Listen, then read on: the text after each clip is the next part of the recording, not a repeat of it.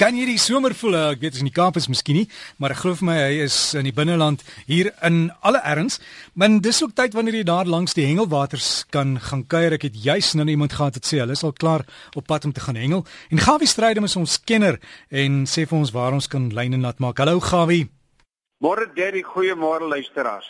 Ja, hierdie tyd van die jaar is die tyd wat die katrol nou al moet begin sing en is al hierdie tyd ook seker in die oggend wat 'n man by die water moet wees. My ondervinding is dat vroeg in die oggend en later in die aand is natuurlik jou beste hengeltyd. Maar iemand moet tog hier vir Hantie Roos op sy laat my weet sy sê sy, twee seuns van 13 en 15. En haar man wil die knaap hulle bly in die Parel. Hulle wil weer dam gaan hengel en waar hulle nog 'n tent kan opslaan en 'n vuurtjie kan maak en sommer net 'n worsie kan braai en net die natuur kan geniet. Nou iemand moet my tog net laat weet op my e-mail waar is daar vir hulle so 'n plekjie ek sal ook uitvind want daar's baie sulke plekke. Sy sê alles is nog net dan 'n plek waar hulle 'n rondaal kan sit en ook 'n bietjie kan hengel. Want dit bly altyd 'n lekker goeie gesond sport. Nou Dion van Heerden, hy sê vir my hy is daar van Tugela Mond. Hy laat my weet hy sê dat die leervisse, dis nou die gerrig wat hierdie tyd van die jaar baie gewild is in die suidkus en self van die ooskus af dat uh die byt op die oomblik baie goed en daar's verskeie mooi grootes wat gevang word en verlede week is daar twee gevang van so 19 kg en 16 kg. En dan sommer in daai omgewing rond uh, Dirk Brand laat my weet. Hy vra my, hy woon aan die suidkus daar by Port Shepstone. En hy wil nou by my weet, daar's nou by hulle nou so 'n uh, die dispuut oor die mosselkraker en die biskop of die poenskop ensovoorts en is dit nou dieselfde vis? Nou ja, ek wil net vir jou sê dat Dirk in verskillende areas streke noem hulle baie vis verskillende name. En die mooiste naam wat ek nou, gehoor het gisteraand ek met my ou vriend bietjie gesels daar in die Ooskaap, die mense het in hulle omgewing aan die Transkei het hulle natuurlik 'n baie mooi naam vir die gewone mosselkraker soos ons hom ken. Want kyk hy het 'n vreeslike groot kop en dan sy lyfie mos nou kleiner. En uh, hulle noem hom sommer hongerpens. Want as jy hom nou vang, lyk dit asof hy nou glad nie 'n maag het nie, net 'n kop het. En dan kry jy nou die gewone ander vis, die blou biskop en verskillende name in verskillende streke noem hulle hom. Maar hierdie vis word baie groter as die gewone wit mosselkraker wat ons nou maar ken as 'n mosselkraker. En as hy jonk is en in sy middeljare is dan is sy kleure ook nie presies dieselfde nie. En die groot plek waar jy kan uitken tussen mekaar is op die kake, die grootte van die tande en so voort.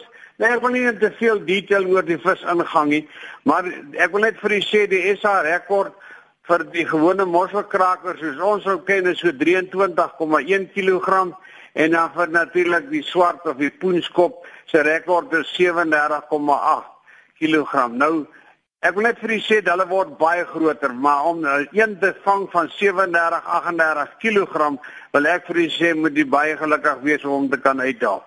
Nou dit is wat dit dan betref. Dan natuurlik is daar navraag bietjie oor hengellisensies. Daar was so 'n jaar gelede in die stywe lyne baie mooi artikel oor die verskillende provinsies se metode van toepas van hengellisensies. Al wat ek aan ek kan sê hier op die, in die Transvaal Gauteng omgewing ten opsigte van varswater daar is net nie 'n lisensie bekombaar nie. En by die Vrystaat, ek dink is daar lisensies in die Wes-Kaap, weet ek, kan jy 'n lisensie koop by verskillende hengelwinkels vir varswater, maar wat wel waar is nasionaal is daar 'n hengellisensie vir seehengelaars. En hy kos so plus minus R70 vir 'n jaar en dan kan jy hom ook vir 'n maand uitneem. En wees verseker daar's beamptes wat die wet baie streng toepas wat dit dan betref. As jy net jou hengelsakkie pak voor jy enigiets anders te pak, maak seker dat jy die hengellisensie uitneem. En die hengellisensie is by alle poskantore beskikbaar. So as jy wil plaaslike poskantoor gaan, sal jy daarheen kan bekom. En dan moenie vergeet van die visvangplekke wat jy al die inligting kan kry, want dit is vir my die maklikste wat jy kan bietjie as jy nou nie te vertroud is met waar byt wat en wanneer en wat se tipe aas want dit is belangrik. Gaan na www.visvangplekke.co.za en dan gaan jy daar 'n geweldige klomp inligting kry. Nou in George se omgewing gaan dit baie stil. Die kompetisie by Grootbrak was nie baie nie baie vis opgelewer nie. Die water is baie stil gewees, baie skoon gewees. Nou ja, in die een oomblik is dit te stil en die ander een oomblik is hy te rof. Want hierdie week was daar die SA klub interklub kampioenskap in Sodwana gewees. Dit is nou vir skiebote en ek wil net vir sê dat dit nie so goed gegaan nie. Maandag kon hulle glad nie op die see kom nie, die rof. Dinsdag net so tot 11:00 is hulle weer uit. Daar's een seilvis gevang. Woensdag was baie swak geweest. Ook hier en daar 'n vis die donderdag was die manne wel uit geweest. Die see was baie rof en Vrydag dink dit luk maar halfdag gevang. Daar is 'n paar seilvisse gevang en weer is hulle gemerk en vrygelaat. Kutas dorados en wahoos nou ja die die, die reën is om die draai en eh, ek kyk eintlik op in die lug as ek nou vir u sê reën is op die draai want jy weet meisie luk se skoon maar ek dink nou is nou 'n geval wat ons nou moet glo want dit is baie baie baie droog. Damme se vlakke baie laag en ek dink dit gaan die hengel baie beïnvloed en baie positief verander sodra ons nou 'n bietjie vars water in die damme kan kry. En nou Henny se pa het altyd gesê as dit droog het nou in die land is, is dit droog in die see. En net so terloops, die 11 seisoene toe dit die einde September gesluit. Jy kan nie nou nog 11 vang nie. Hulle gaan vir jou toemaak en toesluit. Laat hulle nou hulle eie ding verder doen. Die galjoen seisoen sluit die 15de van hierdie maand. Dan mag jy ook nie meer galjoene vang nie. En die 11 seisoen is dan vir 2 maande toe en hy sal weer open by die 1ste Desember. Ek wil net vir u noem ook wat in Jeffreys Bay en die omgewing gebeur het van Francis Bay. Daar skielik 'n klop verskeie groot kabeljoue in die omgewing by kabeljous en al die omgewings hulle opwagting gemaak. Verlede naweek se kompetisie, daar het 'n paar mooi visse opgelewer. Ek dink is so vyf visse wat so tussen 30 en 50 kg was. Ek praat nou van kabeljoue. Dis nou tipies soos dit is. As jy nou jou reg maak om 'n groot kabeljou te wil gaan vang, dan het jy 'n groot hoek aan.